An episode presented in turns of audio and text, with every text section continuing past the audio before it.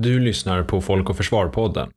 Folk och Försvar bidrar till att Sveriges säkerhet ska vara hela folkets angelägenhet.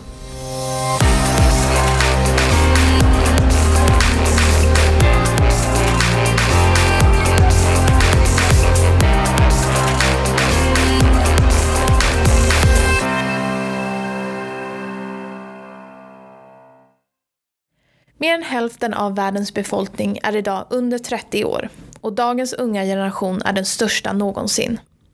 I länder påverkade av konflikt och väpnat våld är en majoritet av befolkningen unga. Och unga är en av de grupper i samhället som drabbas hårdast av väpnad konflikt, som drivs på flykt eller berövas möjligheter till utbildning och säkerhet. Inom säkerhetspolitiska sammanhang har unga ofta lyfts fram som ett problem som måste lösas. Många lockas in i en våldsbejakande miljö och ansluter sig till extremistiska och våldsbejakande organisationer. Samtidigt har unga under en lång tid även utgjort en förändringskraftig rörelse genom gräsrotsdrivna folkrörelser samt genom protester och demonstrationer runt om i världen. Ett tydligt erkännande för den ofta bortglömda åldersgruppen av unga vuxna, 18 till 29 år, var när FNs säkerhetsråd år 2015 antog resolution 2250 om unga, fred och säkerhet. Resolutionen är den första i sitt slag och understryker vikten av ungas deltagande och inkludering för att bygga fred och säkerhet, en grupp som vanligtvis exkluderas från politiskt beslutsfattande. I år firar resolutionen fem år och tillsammans med den nära besläktade resolutionen 1325 om kvinnofred och säkerhet som i år firar 20 år, har dörren för mer inkluderande fredsprocesser öppnats. Sverige ligger i framkant inom området unga, fred och säkerhet. Trots detta menar ungdomsrörelser och organisationer, både i Sverige och internationellt, att implementeringen av resolution 2250 inte är tillräckligt och att mer arbete krävs. Ännu har inga nationella handlingsplaner för att implementera agendan tagits fram, men flera länder, däribland Finland, arbetar för närvarande med att ta fram en handlingsplan som ska inkludera ungas perspektiv på fred och säkerhet, kopplat till ungas deltagande i samhällsdebatten och beslutsfattande. Konflikt, brottslighet och våld, samt socialt och ekonomiskt utanförskap kan påverka unga svenskar på en mängd olika sätt. Lika mycket som väpnade konflikter kan påverka unga i konfliktdrabbade områden. I den svenska debatten lyfts ungas deltagande och inkludering i samhället ofta fram i samband med diskussioner om hur Sverige kan bekämpa extremism och minska risken för att unga lockas in i våldsbejakande miljöer. Däremot nämns sällan kopplingen till ungas positiva roll som fredsfrämjare i en fredstida kontext som Sverige.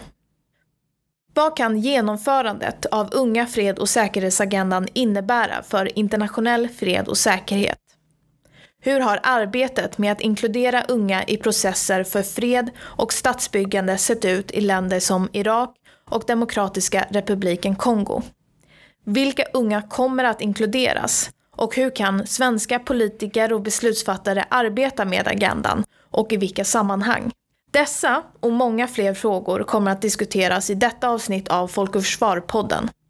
Medverkar gör Emily Veski, vice ordförande för LSU, Sveriges ungdomsorganisationer, Julius Kramer som arbetar med unga, fred och säkerhet på Folke Bernadotte-akademin och Arya Nakai som är grundare och verksamhetsansvarig för det försvars och säkerhetspolitiska nätverket Säkerhetsforum Väst.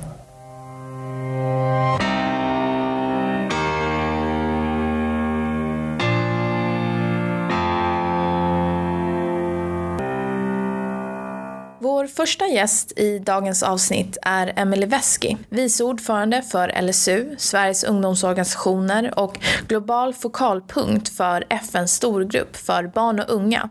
En funktion som tillsatts av FNs generalförsamling. Emily, vilka var de främsta anledningarna bakom beslutet att ta fram den bindande FN-resolutionen om unga, fred och säkerhet för fem år sedan? Vilka aktörer och länder drev på för att frågan skulle hamna på säkerhetsrådets bord? Och fanns det något motstånd mot resolutionen? Ja, jättekul att få vara här till att börja med. Eh, och mm, det man ska veta om resolution 2250 som handlar om unga, fred och säkerhet är två saker till att börja med. Den första är att resolutionen som den har egentligen drivits fram utan gräsrotsrörelse till säkerhetsrådet. Det är helt nytt. Eh, och att den för första gången är en säkerhetsrådsresolution som pekar ut unga specifikt som en aktör som bygger fred. Och förslaget om en ny resolution 2250 om unga, fred och säkerhet, den lades fram av den finska delegationen med stöd av Alliansi, det finska ungdomsrådet. Eh, men det finns flera anledningar till varför den här resolutionen kom just då, kom i det läget och lades fram av de aktörerna. Och jag tänker, för mig, de tre sakerna som är särskilt värda att nämna och som jag tror du har nämnt lite i din introduktion, är ju också att majoriteten av de som lever i konflikt och våldsdrabbade platser är just unga. Samtidigt exkluderas unga i både demokratiska processer och fredsprocesser världen över. De som drabbas hårdast blir dessutom utsatta för allt mer fördomar och stereotyper som framställer dem som problemmakare och roten till allt ont egentligen. Något som, ska, ehm, som sen används som motivering för att inte investera och bygga partnerskap med de här områdena eller med organiserade unga på plats. En annan anledning var att allt fler ungdomsorganisationer upplevde att deras utrymme att agera, göra verksamhet och påverka började krympa. Och man började liksom gå ihop och samarbeta för att och säkra upp garantier för att ungdomar och ungdomsorganisationer regelmässigt ska inkluderas i just fredsarbetet. Och inte bara när det passar för att fylla ett symbolikvärde. Och tittar vi på siffror från Globalt fri demokratiindex så har de inte rapporterat så låga siffror som de rapporterade förra året, sedan starten 2006.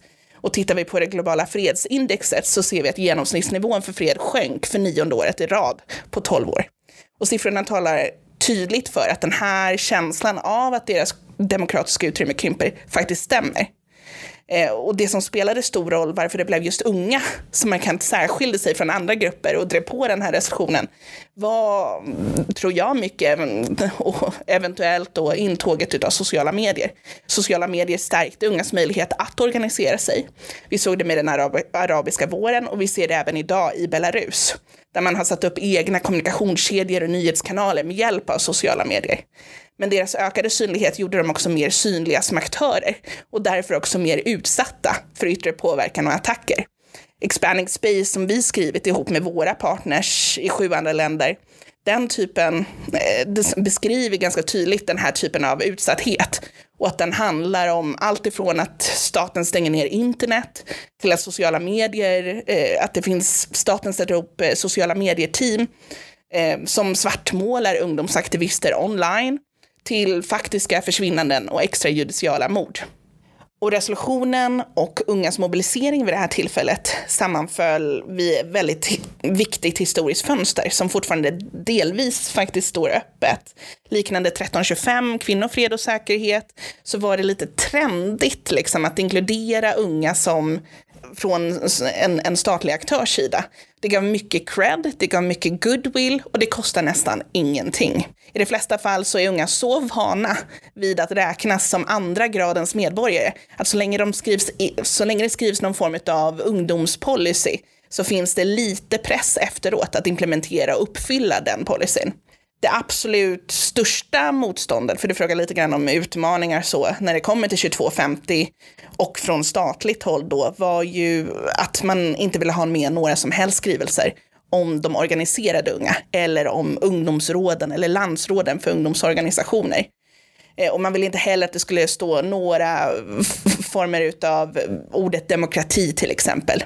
Eh, och precis som i Agenda 2030 och hållbarhetsmålen så handlar den så kallade demokratimålet nummer 16 inte om demokrati. Demokrati nämns faktiskt inte alls, utan istället handlar stora delar av 2250 om att stoppa unga som blir terrorister och att demobilisera och återintegrera de unga som blivit extremister. Ett resultat, skulle jag säga, utav stereotypiseringen av unga och något som också fått väldigt mycket kritik från ungdomsrörelsen.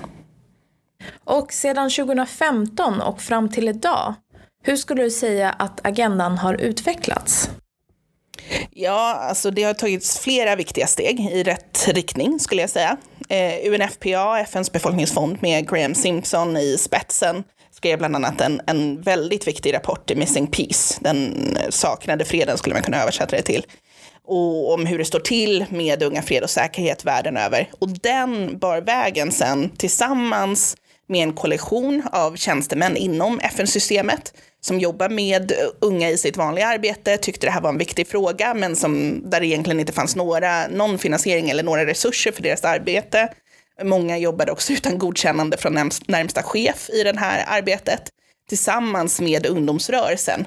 Så de här tre aktörerna drev fram ett antal ytterligare resolutioner. Och jag tycker de här resolutionerna talar väldigt mycket om förändringarna som också har skett inom Unga fred och säkerhetsagendan och synen på den sedan 2015. Eh, det började ju med att eh, de här resolutionerna har ju fram tills idag väldigt mycket befäst, till skillnad från den första resolutionen, unga som fredsaktörer. Och de befäster också ungperspektivet som ett viktigt perspektiv inom FN-systemet, men även som, som ett viktigt satsningsområde hos medlemsstaterna. Så vi har resolution 2419 som togs fram 2018, som Sverige och Peru var pennhållare till, och ett arbete där LSU genom mig och även ordförande Rosalind Marbina vi fick möjligheten att medverka och göra medskick till den. Och den handlade om unga i fredsprocesser. Fortfarande inget omnämnande av ungdomsorganisationer, eh, men man, mer eller mindre om man läser den så kan man se att det ändå finns någon form av positiv steg att närma sig även ungdomsorganiseringen eh, resolution 2282 som handlar om hur unga ungdomsorganisationer ska medverka i att ta fram reformförslag för FN-systemet nu inför dess 75-årsjubileum och resolution 2535 som kom i år i augusti. Och den går i samma linje som generalsekreterarens rapport om 2250-genomförandet som kom i våras. Och den kräver framförallt ett accelererat åtagande hos medlemsstater för unga fred och säkerhetsarbetet och ett större ansvar och en större satsning på partnerskap med unga. Här kom också ett tydligt besked om att ungdomsledda organisationer ska inkluderas. Jättestort, aldrig hänt förut. De ska finansieras och medverka i processer som bygger och förebygger fred. Och det här var också helt nytt för den här resolutionen, att den tydligt signalerar att unga fred och säkerhetsarbetet gäller alla stater, även de som kan anse sig vara fredliga och vad som räknas som fred kan skilja sig radikalt och vara en anledning till att många medlemsstater inte tycker att den första resolutionen hade någonting med dem att göra. Eh, exempelvis Sverige delvis. Men som vi uppfattar det på LSU och som jag också uppfattar att FNs generalsekreterares rapport i våras uppfattade så är fred inte bara avsaknaden av våld utan precis som i hållbarhetsmål 16 så handlar fredliga och inkluderande samhällen om att det finns en rättsstat, att det finns demokrati och att alla delar av befolkningen oavsett grupp, kön, sexuell läggning, klass, funktionshinder, ålder är inkluderade i det som rör deras liv och samhällsutvecklingen. Och att samhället inte bara stoppar våld utan också förebygger våld. Man kan tala om ett fredskontinuum där pendeln alltid rör sig på en skala mellan fred och demokrati på ena kanten och krig och auktoritära regimer på andra kanten det är inte så att för att man en gång har blivit demokrati så kommer man alltid vara det. Det krävs att man jobbar med sin demokrati varje dag. Det krävs att det finns en demokratiskola och att det finns satsningar som hela tiden utvecklar demokratin. För det är också så att den som redan är särskilt utsatt i ett samhälle är den som kommer känna av svängningar mest och som kommer vara först med att känna av när den här pendeln flyttar sig inom det här fredskontinuumet och på den här skalan. Från demokrati till auktoritär regim. Så genom att satsa särskilt på de här grupperna, inklusive unga och ungdomsorganisationer, så menar jag att samma skala kan användas som en hälsobarometer för hur det står till med freden och demokratin i ett land. Har man som beslutsfattare och statlig aktör en nära relation och ett partnerskap eh, där man investerar i unga ungdomsorganisationer så är det att investera i hela försvarslinjens gråskala. Precis som Ann Linde lyfte i veckan så inledde hon ju ett solidariskt arbete med ungdomsrådet Rada i Belarus när hon själv var med i LSU, Sveriges ungdomsorganisationer. Och utan ungdomsrörelsen i Belarus eller den internationella stöttningen från ungdomsorganisationer av deras ungdomsrörelse i Belarus så skulle det vara väldigt, väldigt svårt att ens föreställa sig sig att vi skulle ha den demokratiska utveckling som vi ser just nu i Belarus. Och eh, med denna utveckling under de senaste åren, hur skulle du säga att det praktiska genomförandet av resolutionerna går? På vilka sätt har ungas perspektiv och deltagande exempelvis inkluderats som en följd av agendan och vilka utmaningar kvarstår? Jag tycker att ungdomsrörelsen ska vara oerhört stolt med vad man lyckats med. Just att det är ett gräsrotsengagemang som burit väg för resolutionen. Eh, jag tror att det här kommer spela jättestor roll nu i reformarbetet av FN. Det är många fler nu än för tio år sedan bara som tror att FN skulle kunna komma närmare folket och att det överhuvudtaget skulle kunna demokratiseras.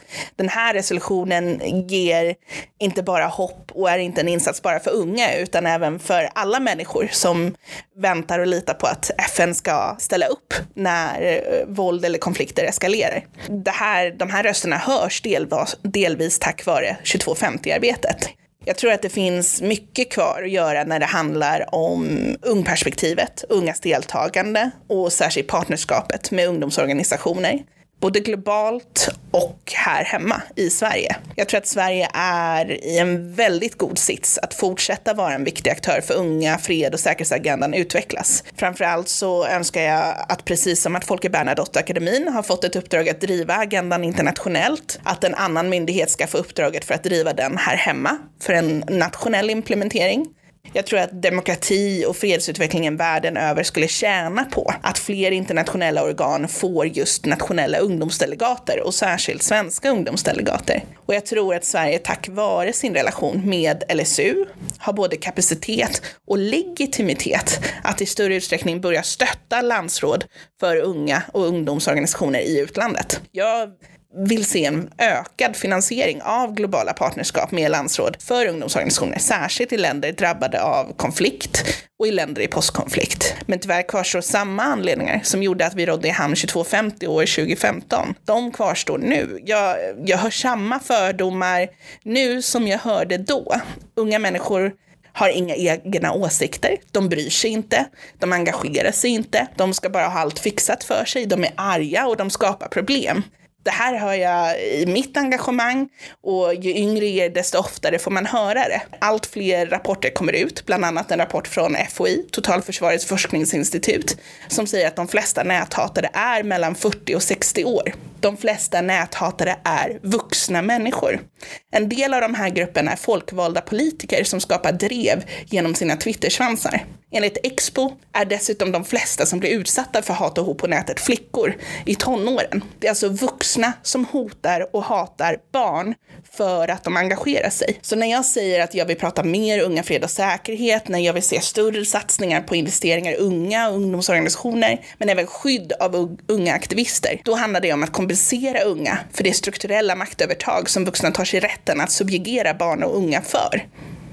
Du är också programvärd för den nya podcasten Change Rebels som lyfter ungas röster i frontlinjen för förändring kopplat till demokrati, fred och säkerhet. De första avsnitten handlar om kampen för demokrati i Belarus. Hur kan unga fred och säkerhetsagendan kopplas samman med det som nu händer i Belarus och hur skulle du beskriva ungas organisering i landet där demokratisk organisering under lång tid har tryckts ner?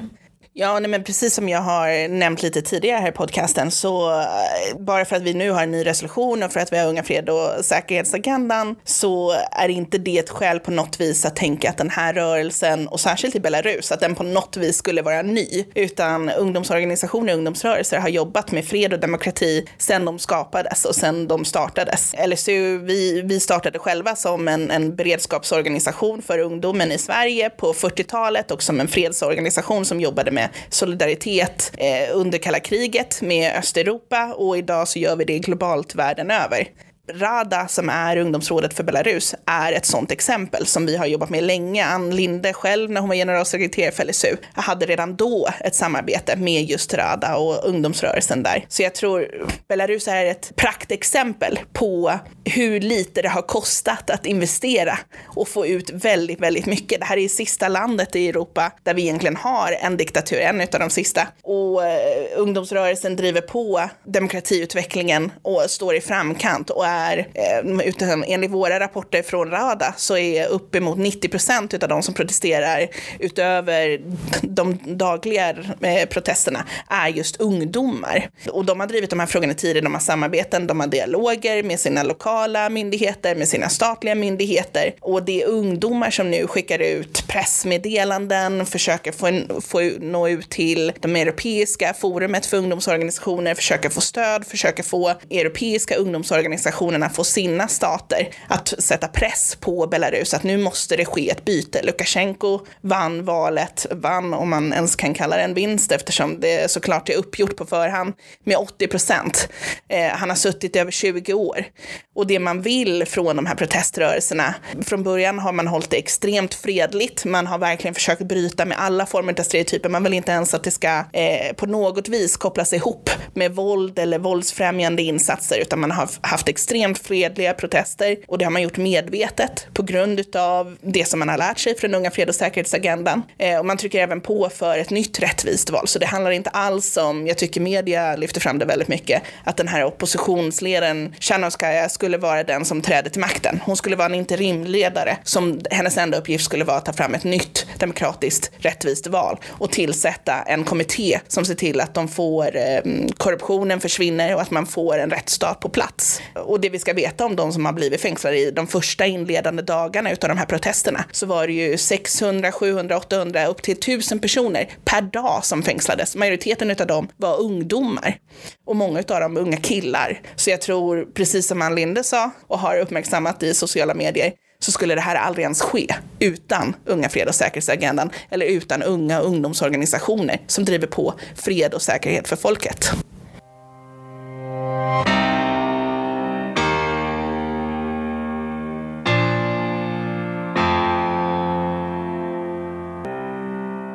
Och vår andra gäst i avsnittet är Julius Kramer som arbetar med frågor som rör unga fred och säkerhet på Folke Bernadotte-akademin.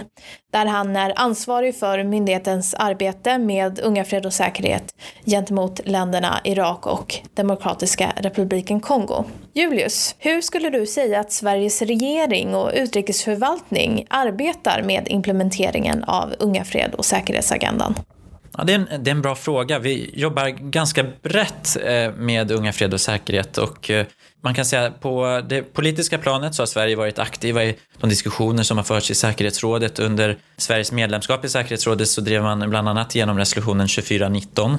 Sverige var så kallad pennhållare för den resolutionen, så koordinerade några av de förhandlingarna. Eh, och ehm, eh, Sida har spelat en eh, aktiv roll i att finansiera delarna, delar av genomförandet av Unga fred och säkerhetsagendan, bland annat den globala framstegsstudien som kallas The Missing Peace, Eh, som Sida har stöttat och spelat en viktig roll i agendan. Och eh, eh, min arbetsplats, FBA, har jobbat med att stötta det ganska praktiska genomförandet av agendan. Dels metodutveckling på global nivå genom att stötta FN-systemet i att genomföra agendan, FNs fredsinsatser, utveckla metoder för konfliktanalys med ett ungperspektiv bland annat. Men eh, vi jobbar också lite bilateralt inom eh, regeringens strategier för enskilda konfliktdrabbade länder bland annat Irak och Demokratiska republiken Kongo och eh, Somalia.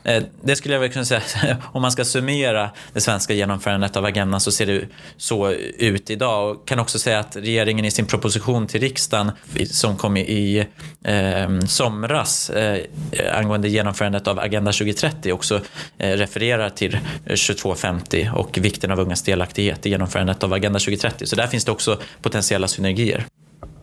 Och hur går det praktiska genomförandet av resolutionerna?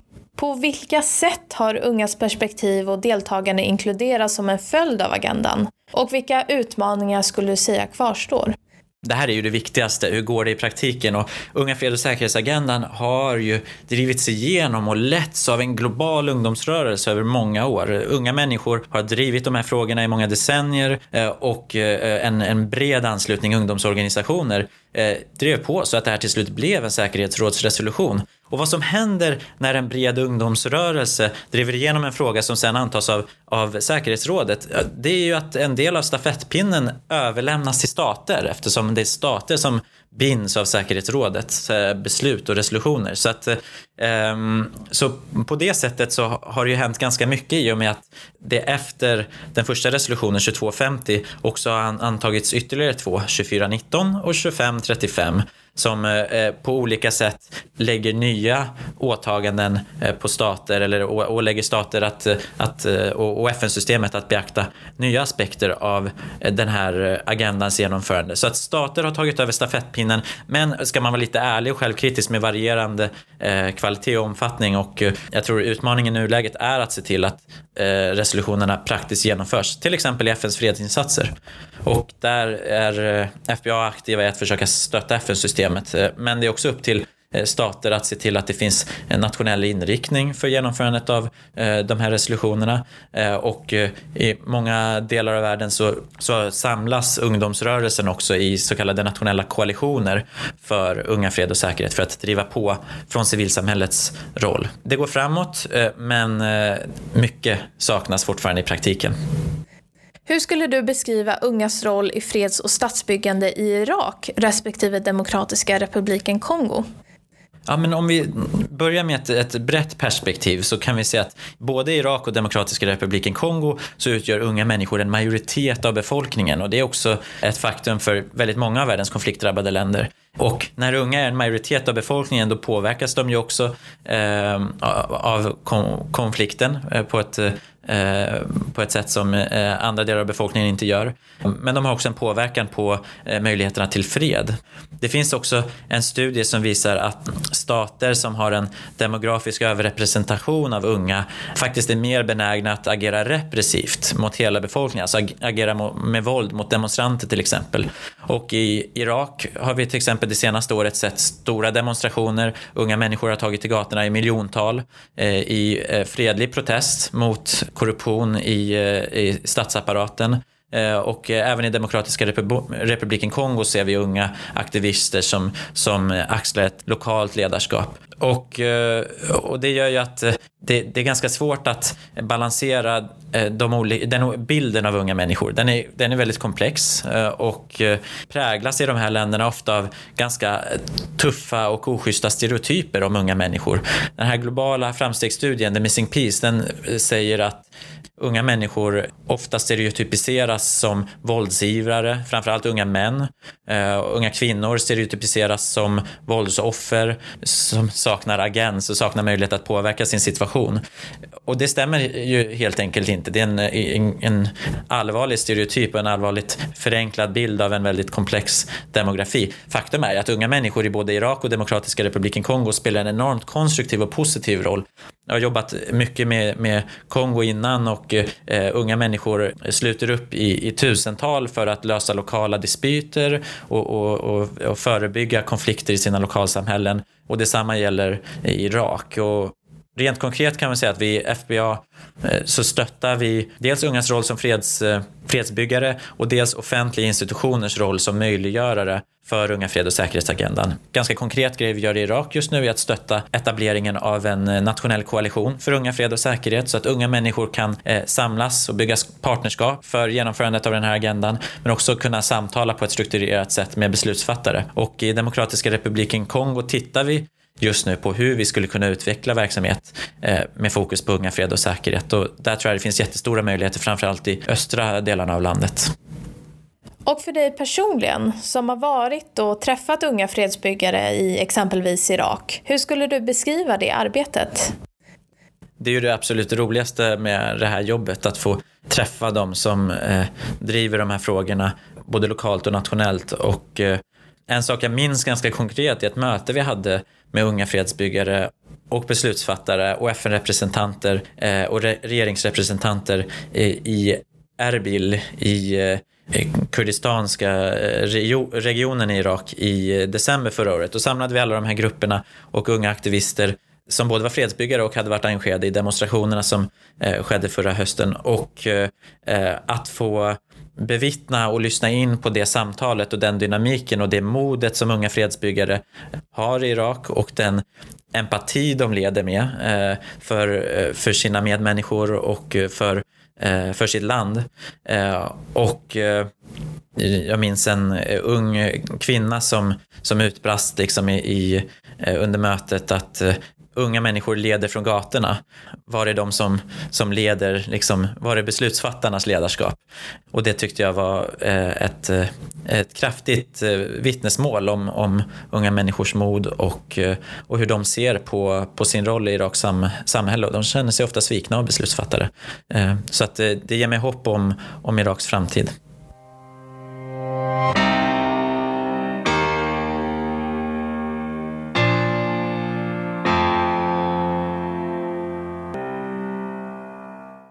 Och sist men inte minst så har vi med oss Arya Nakai som är grundare och verksamhetsansvarig för det försvars och säkerhetspolitiska nätverket Säkerhetsforum Väst och som även har en lång bakgrund inom organisationen Utrikespolitiska förbundet Sverige.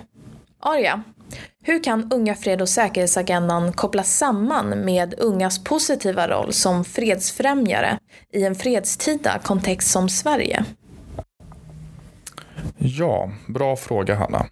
Jag tror faktiskt att vi någonstans här måste våga ifrågasätta idén om att vi lever i en fredstida kontext idag. Främst tror jag det handlar om att vi måste bredda definitionen av fredstida. Visst, jag håller med. Vi lever i en tid avsaknad av krig i den konventionella meningen. Men lever vi faktiskt avsaknaden av osäkerhet och otrygghet? Och det är där jag tror att vi faktiskt måste sätta fokus på. Ska vi samtala om unga, fred och säkerhet så behöver vi dels bredda säkerhetsbegreppet men också bredda fredsbegreppet. Många unga idag eh, lever i utsatta områden där gängen organiserar och rekryterar, där barn och unga är rädda för att gå ut på kvällarna. De skulle nog inte hålla med om att vi lever i fred eller att man ens får leva i fred. Så tänker jag. Och vilka möjligheter respektive utmaningar skulle du säga finns för en framtida svensk implementering av Unga fred och säkerhetsagendan? Om jag ska börja med utmaningarna så tror jag nog att det kommer handla om att omdefiniera vissa begrepp och termer inom försvars och säkerhetsdiskussionen. Eh, här har jag själv stött på fler hinder när jag deltagit i arbeten och processer där man försöker tyda olika situationer och problemformuleringar med den här gamla terminologin. Eh, så det är ju uppenbarligen en av de främsta utmaningarna.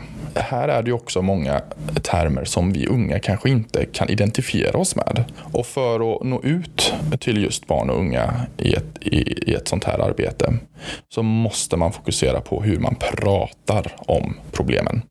Och detta är ju någonting som vi barn och unga tar med oss eh, till skolan, till middagsbordet och då i senare led också till medborgardialoger vi kan ha i olika forum.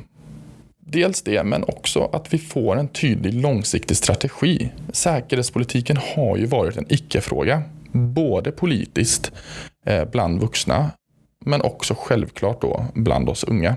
Vi måste hitta ett nytt och modernt sätt att definiera säkerhetspolitiken på. Och där tror jag att vi unga absolut har en stor roll att spela. Du och flera unga civilsamhällesledare i Västsverige har nyligen skapat föreningen Säkerhetsforum Väst. Vad var idén bakom föreningen och varför ansåg ni att ett nätverk för försvars och säkerhetspolitik för unga behövs specifikt i Västsverige? Det stämmer Hanna. Eh, Säkerhetsforum Väst är alltså ett regionalt nätverk där vi samlar lokala och regionala aktörer inom försvars och säkerhetsagendan. Eh, man kan säga att idén bakom detta eh, började med ett initiativ från Föreningen för Göteborgs försvar att öppna upp sin verksamhet mot fler unga och specifikt studerande på universitet och högskolor. Så tillsammans kom vi fram till idén om att skapa ett stipendium som studenter bosatta regionalt kan söka. Och eh, just nu är vi faktiskt i processen att eh, vi slipar de sista detaljerna och tanken är att vi ska utlysa detta stipendium till vår. Så det är ju spännande. Eh, men tillbaka till självaste nätverket.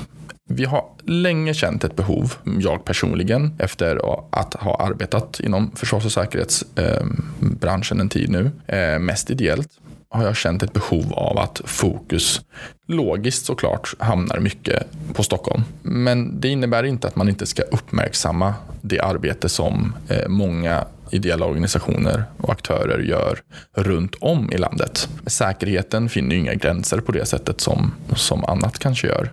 Och därför tror jag att det är på tiden att vi börjar uppmärksamma aktörer runt om i landet. Och med tanke på att jag själv då är hemmahörande i Göteborg, som ni hör på min underbara dialekt, så eh, har det varit en, en ära att få arbeta med det här lokalt och regionalt hemma i Göteborg. Då. Och, och tanken med det här nätverket är då att samla eh, aktörer, offentliga som, eh, som ideella, eh, privata, eh, att då eh, organisera och arbeta med trendspaningar, arbeta med omvärldsbevakning. Eh, förhoppningsvis när vi väl får igång det här stipendiet arbeta med forskning eh, om hur eh, Västsverige specifikt då arbetar och kan utvecklas i frågan om försvars och säkerhetspolitiken idag. En viktig sak att komma ihåg här är ju att Göteborg är ju viktigt Dels ur ett konventionellt perspektiv där vi har Göteborgs hamn, Nordens största hamn, eh, som inte alltid kanske nämns när man pratar om försvars och säkerhetspolitik nationellt. Eh, det är ju väldigt strategiskt eh, och det har nu under den senaste eh, pandemin då varit väldigt viktigt att se till att hamnen fungerar som det ska. Att in och utflödet fungerar och det har det ju faktiskt gjort. Det här är ju någonting vi behöver uppmärksamma mer tror jag. Eh, utöver detta eh, så har vi ju eh, sett väldigt starka och goda insatser där Försvarsmedicincentrum har agerat under pandemin, deltagit i att sätta upp tältar utanför sjukhusen och varit en aktiv kraft i det som vi ser, som vi pratar mycket om, om totalförsvar. Pandemin är ett exempel på hur det har gått att arbeta med detta på ett positivt sätt. Men sen så har vi också väldigt många utmaningar i Göteborg. Eh, här vill jag inte minst lyfta utanförskap, segregation. Det är ju några av de sakerna som, som jag tror att det inte nämns så mycket. Kanske handlar det om naivitet, kanske handlar det om att det är för känsligt. Men det innebär ju inte att det inte finns. Eh, och jag tror verkligen att vi måste lyfta de frågorna. Speciellt om vi vill implementera eh, arbete om eh, unga 2250. Du nämnde tidigare uttrycket säkerhet och segregation. Vilken koppling skulle du säga finns mellan säkerhetspolitik och många ungas erfarenheter av utanförskap och segregation? Här vill jag nog lyfta upp idén om att eh, försvar och säkerhet endast är ekonomiskt eller strategiskt eller eh, har, har att göra med eh, det militaristiska. Men vi får inte glömma att när vi pratar om unga 2250 Eh, unga eh, fred och säkerhet, så måste vi även titta på det kulturella. Eh, och här tror jag att utanförskap och segregation, eller det som jag själv myntar, säkerhet och segregation, spelar en, en stor, eh, spelar stor roll jag kan dels prata om min egen erfarenhet eh, som person med annan bakgrund, eh, delvis uppvuxen i en förort, mm, uppvuxen i Göteborg. får känslan av att jag kanske inte alltid hör, hör hemma någonstans. Att jag inte har ja, men samhörighet, tillhörighet. Eh, att jag ibland ifrågasätter min identitet. Och det här är ju saker som spelar väldigt stor roll i hur jag ser på mitt samhälle och på min omgivning. Och här tror jag att många unga delar min erfaren mina erfarenheter. Och då kan man ju prata om eh, vad, hur samhället ser på oss och hur vi ser på samhället. Dels det, men också eh, har jag tänkt en hel del på att vi nu börjar eh, värva fler till eh, Försvarsmakten. Eh, värnpliktiga som eh, unga som nu eh, börjar en ny resa eh, går med i en institution som länge kanske varit okänd för unga under flera generationer. Och här vill jag liksom fokusera och uppmärksamma att visst, för mig personligen kanske det är uppenbart att gå med i försvaret. Men är det så för alla? Kan alla identifiera sig med den för svenska försvarsmakten idag? Försvarsmakten har ju gjort ett, en satsning på PR och syns jättemycket. Det kan vi ju verkligen eh, ge dem en eloge för. Men vad krävs för att alla unga idag ska identifiera sig med det svenska försvaret och det svenska försvars och säkerhetsarbetet? Och där tror jag att vi behöver arbeta mer och där behöver vi implementera åtgärder lokalt i och hos grupper som kanske i vanliga fall känner sig utanför och skapa ett nytt a new normal, så att säga, för hur det är att eh, känna samhörighet och tillhörighet.